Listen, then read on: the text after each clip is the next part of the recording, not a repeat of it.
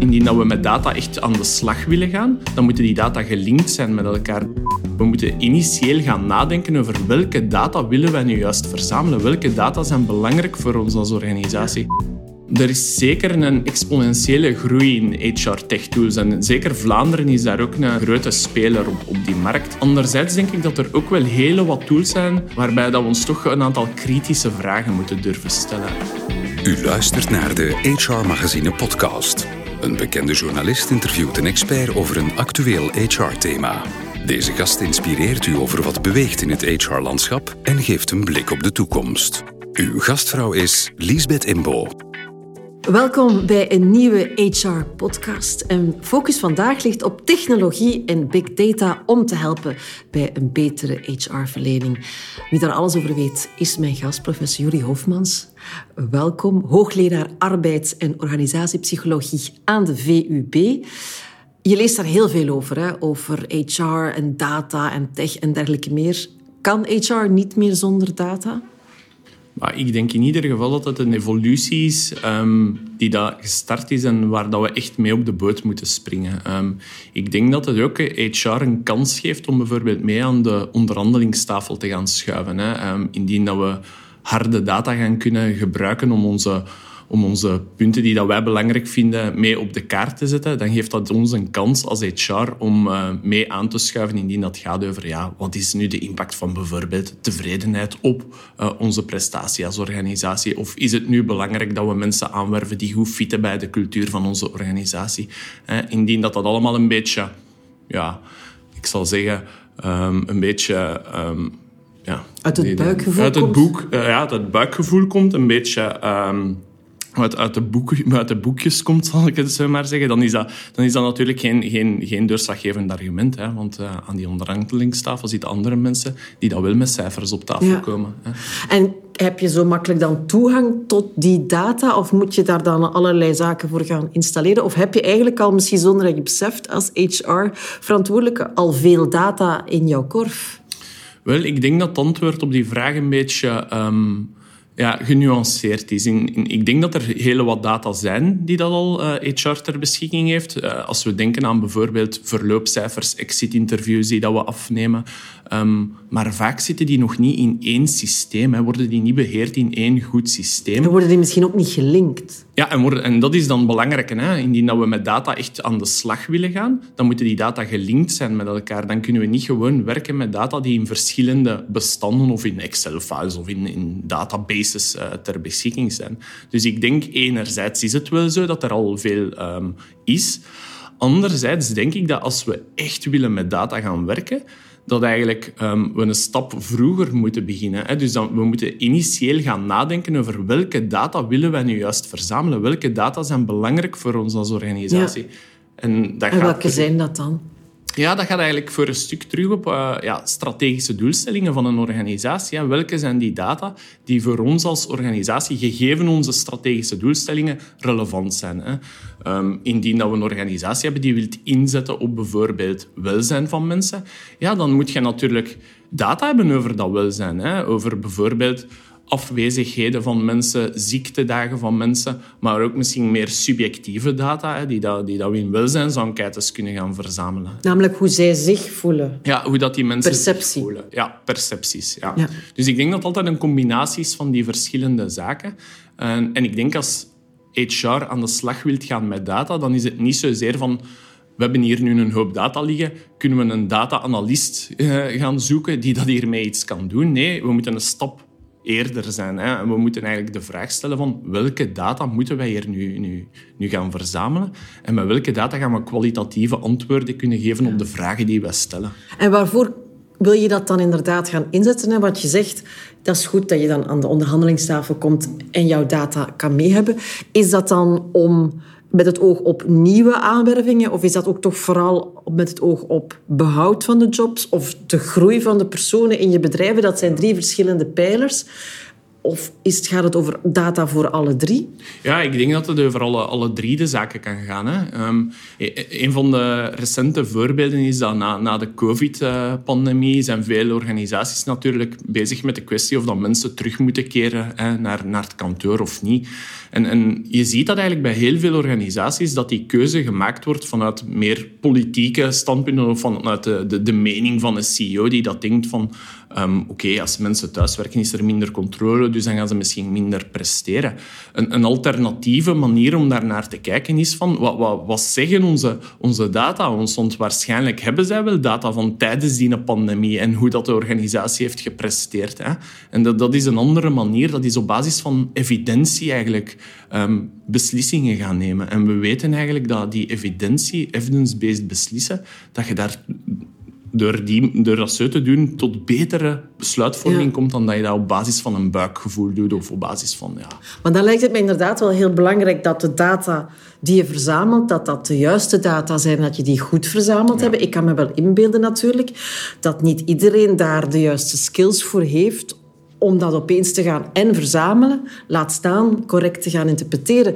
Moet je dan, zeker op het departement HR, ook op zoek naar andere profielen of extra profielen?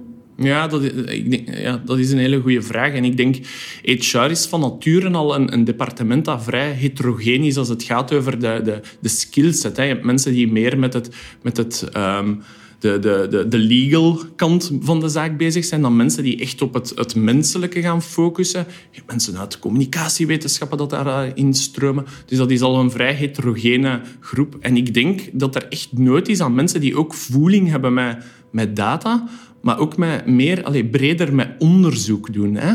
Want het gaat niet enkel over het, het, het, algoritme of het kunnen analyseren van data. Het gaat ook over die stap eerder. Hè? Wat hebben we nodig om een bepaalde uitspraak te kunnen doen? En ik denk bijvoorbeeld een profiel zoals uh, psychologen, die dat daar echt in getraind zijn in al die stappen, dat dat heel interessante profielen zijn. Ik, ik, ik noem dat vaak mensen die eigenlijk een, een, een, vertalende rol kunnen spelen.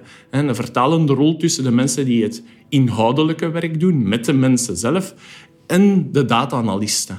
Ja. Dus die genoeg van de twee kanten begrijpen om eigenlijk daar een soort vertaler te kunnen zijn. Je kan natuurlijk data algemeen gaan inzetten, mhm. bijvoorbeeld om beslissingen te nemen als gaan we terug meer thuiswerken of terug meer op kantoor gaan werken, kan je data ook gebruiken voor het individu, individuele profiel, het individu, namelijk de loopbaan van Jacques in dit departement bijvoorbeeld? Ja, je ziet inderdaad dat er meer en meer HR-tech-tools op de markt zijn die dat, die dat, dat gaan doen. Bijvoorbeeld binnen Twegos um, gaan wij... Dat is waar jij mee aan werkt? Ja, dat is waar ik mee aan werk. Um, gaan wij data gaan inzetten om te gaan kijken of dat er een waardefit is. Dus een fit tussen de waarde van het individu en de organisatie waarbij dat die persoon zou willen gaan werken, het team waarbij dat die gaat werken, de leidinggevende waarbij dat die En wat bedoel jij met waarden? Ja, waarden dat zijn eigenlijk uh, uw streefdoelen. Hè. Waar, waarom werk je? Wat vind je belangrijk? Wat zijn nu die einddoelen? Hè? Um, het gaat dus niet over je, hoe kijk naar democratie, zeg maar. Nee, nee, nee. nee, nee, nee, nee. En het, is, het is concreter. Het gaat over de, de werksetting. Hè. Uh, werk jij bijvoorbeeld, of vind jij bijvoorbeeld conformiteit belangrijk? Hè? Dat er geen conflicten zijn? Vind je samenwerken belangrijk? Zijn, zijn dat dingen die dat je belangrijk vindt in je job. En, en natuurlijk in verschillende organisaties, maar ook binnen een organisatie, in verschillende departementen, kunnen er verschillende waarden of, of culturen, als je het zo wilt noemen, zijn. En, en, dus is het interessant om te gaan kijken of dat mensen minder of meer aansluiten bij die cultuur. Want we weten uit wetenschappelijk onderzoek dat in die mensen niet goed passen bij die cultuur, bij de waarden van die organisatie, dat de kans dat zij weggaan veel, veel groter wordt. Natuurlijk, een een organisatie bestaat uit mensen, zoals je het zelf zegt. Je kan natuurlijk, ik kan met jou een geweldige fit hebben en, en dan kan ik bij jou komen werken. Maar morgen zie jij een opportuniteit en groei jij door of vertrek jij naar Zuid-Korea voor de job van je leven, weet ik het. En dan heb ik opeens iemand anders eh, die Yuri Hofmans vervangt waar ik misschien minder een fit mee heb. Je zou kunnen zeggen, ja, die waarden, dat is tijdelijk goed, maar natuurlijk mijn skills, wat ik kan, daar zal ik het misschien langer mee trekken in het bedrijf. Ja, daar ben ik het niet zo zeker van. Ik denk ook dat, dat skills, um, dat dat ook iets is dat vrij... Um, temporeel is. Hè. Dus uh, dat skills goed kunnen zijn in één bepaalde job, maar dat je nooit hebt, kan hebben aan training als je naar een andere job evolueert. Hè. En ik denk dat... Uh, ook naar waarde moet je op een, op een gelijkaardige manier kijken, denk ik. Ik denk, ehm, en dat is net waarom dat wij bij Twegos in een, op een gelaagde manier gaan kijken naar waarde. We kijken niet enkel naar het specifieke team waar dat je bij gaat werken, want wij weten natuurlijk ook dat na een aantal jaren kan je doorpromoveren naar een ander team of uh, interne promotie maken binnen die organisatie. Dus het is belangrijk om te gaan kijken naar het team, de organisatie en de leidinggevende. En ook bij interne mobiliteit kan je zoiets gaan inzetten. Indien dan mensen bijvoorbeeld willen doorgroeien naar een andere functie binnen hetzelfde bedrijf, dan is dezelfde vraag relevant. Waar binnen onze organisatie zal die persoon passen? Ja, want inderdaad um, kan technologie ook helpen om misschien ook als bedrijf beter te detecteren dat er iemand misschien ergens in de organisatie zit op een bepaalde plek en het daar misschien ook wel goed stelt, maar die misschien eigenlijk nog beter zou geplaatst zijn op een andere dienst of op een andere tak van het bedrijf. Ja, ik denk dat allez, ik denk dat, dat zeker kan. Hè. Ik denk dat, er, um, dat die tools dat, alle die zaken echt wel, echt wel toelaten. Um, ik denk dat die tools voor een stuk er ook voor zorgen, of een aantal HR-tech-tools, dat de aandacht van, is een beetje verschoven van de focus op skills, hè, van wat kunnen mensen, welke kwaliteiten hebben mensen, naar een focus op wat we noemen soft skills. Hè, en, uh, past die persoon bij ons bedrijf? Is dat iemand die dat we het gedrag zien vertonen die dat wij hier graag zien in onze organisatie? Ja. En... Um, die skills die kunnen we bijtrainen. Colruyt heeft dat bijvoorbeeld ooit gedaan, waar dat zij met een tekort zaten in hun slagerij. En dat ze eigenlijk mensen hebben aangeworven die dat zij wisten dat goed bij Colruyt zouden passen. En die opgeleerd tot slagers. En, en die mensen die vertrokken niet, want die pasten goed binnen ja, Dus niet omgekeerd vertrokken van wie is een goede slager, maar wie past eigenlijk uh, bij het bedrijf. Je hebt al een paar keer het woord uitgesproken, net tools, tools. Zijn er dan al zoveel goede tools op de markt die ons kunnen helpen? Mm er is zeker een exponentiële groei in HR-tech-tools. En zeker Vlaanderen is daar ook een, een, een grote speler op, op die markt. Um, Anderzijds denk ik dat er ook wel hele wat tools zijn ehm, waarbij dat we ons toch een aantal kritische vragen moeten durven stellen. Hè. En ik denk dan over wat is, de, wat is de basis van die een tool? Het is niet omdat iets um, er fancy uitziet of omdat iets heel veel data kan verzamelen dat je daarin mee meegaan. Hè. Het is belangrijk als HR om steeds heel kritisch te gaan na te denken over wat dat die tool juist doet. ik denk hierbij bijvoorbeeld aan een tool die dat op basis van informatie die je op LinkedIn post eigenlijk een persoonlijkheidsprofiel gaat opstellen van de persoon. Deep learning algoritmes kunnen inderdaad zo'n zaken doen, maar is dat, de, de vraag die ik mij dan stel is, is dat, is dat een goede is dat een goede meting van persoonlijkheid? En indien dat die meting niet, niet zo goed is, gaan we daarmee dan echt selectiebeslissingen gaan nemen? En een volgende vraag is, als we persoonlijkheid gebruiken om te gaan matchen klopt dat wel? Want we weten wetenschappelijk dat persoonlijkheid, dat, dan niet echt, dat er geen match moet zijn met die omgeving. Een introvert persoon kan perfect binnen een extravert team werken. Dus daar zijn hele wat zaken die dat heel twijfelachtig zijn. En dat blijft een beetje achter een waas van, van ehm, ja, ik zou zeggen, marketing en big data. En ik denk dat het heel belangrijk is dat we die, die waas proberen te doorprikken. En, en, en eigenlijk goed vragen naar wat zijn de basis assumpties achter die HR-tech-tools. Ja, maar zoals je zegt, je kan daar een aantal dingen eh, ontdekken over iemand. introvert, extrovert, dat soort dingen. Blijft het in die end toch inderdaad niet mensenwerk? In die zin dat het toch de final call toch nog altijd bij één persoon of bij een team moet liggen of al dan niet die aanwerving doorgaat of die, die promotie kan doorgaan? Ja, ik, ik denk dat dat een nagel op de kop is. Hè. En ik denk... Ehm, dat, dat we een mooie parallel kunnen trekken met wat er nu met COVID gebeurt. Hè. De, de, de, regering laat zich daarin adviseren door bijvoorbeeld wetenschappers, door data, hè, door, door de cijfers die dat we zien. Maar in die end is de beslissing die ze nemen is wel een mensenbeslissing. is een beslissing waarin dat alle informatie mee wordt genomen en niet enkel de data, de data zelf. En ik denk dat dat, dat, dat, dat iets gelijkaardigs zou moeten zijn in HR, hè, waarbij dat je input krijgt vanuit die verschillende tools of vanuit verschillende bronnen van informatie. Je legt die samen en dan neem je je beslissing. Hè. En die beslissing die wordt ingegeven door natuurlijk die input die je krijgt, maar natuurlijk ook door strategische doelstellingen die je hebt als organisatie en andere zaken. Dus het, blijft, het beslissen zelf blijft een mensenzaak, maar we moeten proberen die een bias zo weinig mogelijk te laten doorwegen. Ja. ja, want je zegt het woord bias. Is dat dan ook toch vooral in die end ten voordele van de toekomstige of de huidige werknemer? Is het vooral dat om vooroordelen weg te nemen? Ja, ik denk dat dat daar zeker echt eh, een, een rol kan spelen. Um, ik, ik, denk bijvoorbeeld, um, als, als het gaat over um, de tool dat wij bij Twegos hebben ontwikkeld, dan, dan, dan klopt het inderdaad dat dat een, zowel ten voordeel is van een organisatie als van de werknemer. Hè. Bijvoorbeeld, wij gaan kijken naar die waardefit en we weten, wetenschappelijk gezien, dat dat zowel goed is voor het welzijn van die werknemer en voor die organisatie, omdat die mensen daar langer blijven.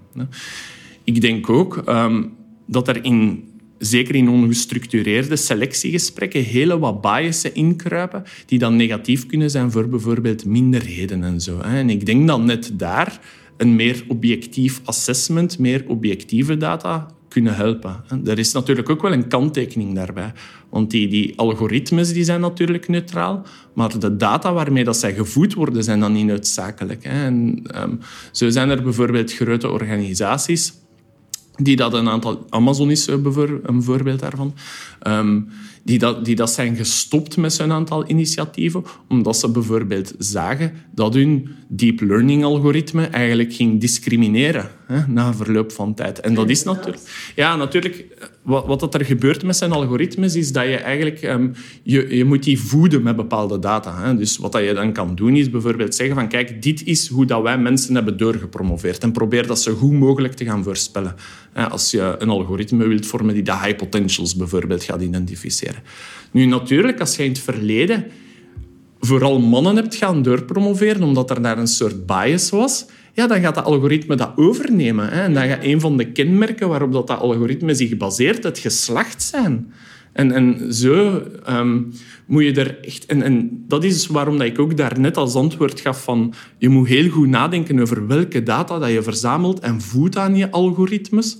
Omdat je natuurlijk al in die stap kunt je bias introduceren. Ja, ja, ja absoluut. Het woord overheid is hier ook al gevallen.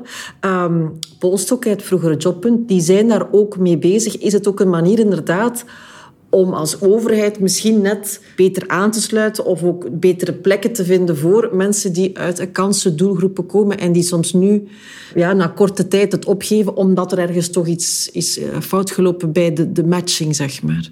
Ja, ik denk wat dat Pulstok doet, is uh, voor een stuk eigenlijk die, die, die screening van al die verschillende tools eigenlijk gaan doen in de plaats van die overheden of gemeenten of steden. Omdat natuurlijk altijd, die competenties zijn niet altijd aanwezig. Hè. En wat dat Pulstok doet, is eigenlijk um, als organisatie heel sterk toekijken op dat ongebiased zijn van tools, op die evidence-based basis. Is dat wel gebaseerd op iets? Is dit niet gewoon gebakken lucht dat ze aan het verkopen zijn? En op basis daarvan gaan zij een aantal partners identificeren, die dat zij dan eigenlijk aan hun netwerk of aan hun klanten ter beschikking stellen met een soort kwaliteitsstempel. Dus Pulstok is, is in dat opzicht een van de um, voorvechters in Vlaanderen van, van evidence-based management. Hè, en probeert eigenlijk hun klanten daarin te servicen en te behoeden voor eigenlijk uh, slechte tools. Is het ook iets waar je als klein bedrijf mee aan de slag? Want ik kan me inbeelden, mensen die nu aan het luisteren en die zeggen ja, dat is inderdaad misschien interessant uh, voor een grote boot als Amazon of voor een overheid. Maar ik met mijn 40 medewerkers heb ik iets aan die dataverzameling. Maar ik denk eh, dat, dat, we het dan vooral hebben over eh, kwantitatieve data. En inderdaad, als we, als we gaan naar bijvoorbeeld deep learning algoritmes, dan, dan hebben we grote data nodig. Dat, dat kunnen we niet met een klein databestand. Maar ik zie data eigenlijk als iets, iets breder. En dat kan Beetje even die value fit die jullie doen, bijvoorbeeld. Bijvoorbeeld, dat kan ingezet worden in KMO's en zo ook. Maar, maar bijvoorbeeld ook een, een, een gesprek hè, kan ook, is ook data. Het gaat over het verzamelen van informatie over een bepaalde probleemstelling. Hè. Als we bijvoorbeeld het idee zouden hebben van we hebben hier een probleem met, met, met commitment in onze organisatie, dan zou de eerste reflex van HR moeten zijn, is dat wel zo? Hebben we echt een probleem? En hoe kunnen we dat doen? Door bijvoorbeeld in een kleine organisatie met mensen te gaan praten. hebben we daar indicatoren dat er effectief een probleem is? En indien dat er een probleem is, dan moeten we naar een oplossing gaan zoeken. Maar om dan juist de data te krijgen, moet je wel ook een heel veilige omgeving creëren. Of mensen zeggen de antwoorden waarvan ze denken dat dat wil Jury horen. Ja, dat klopt. Of, of je kan gaan werken met indirecte indicatoren. Hè. Uh, verloop bijvoorbeeld. Hè. Dat zal een indirecte indicator zijn van, van betrokkenheid. Um, afwezigheden op het werk van die zaken. En die kan je dan gaan benchmarken met um, organisaties die dat, um, lijken op die van jou bijvoorbeeld. Om te gaan kijken, zitten we daar echt hoger of lager dan die andere organisaties? Ja. Dus dat, dat is eigenlijk een heel bazaal aanpak van, van data, zou ik zeggen.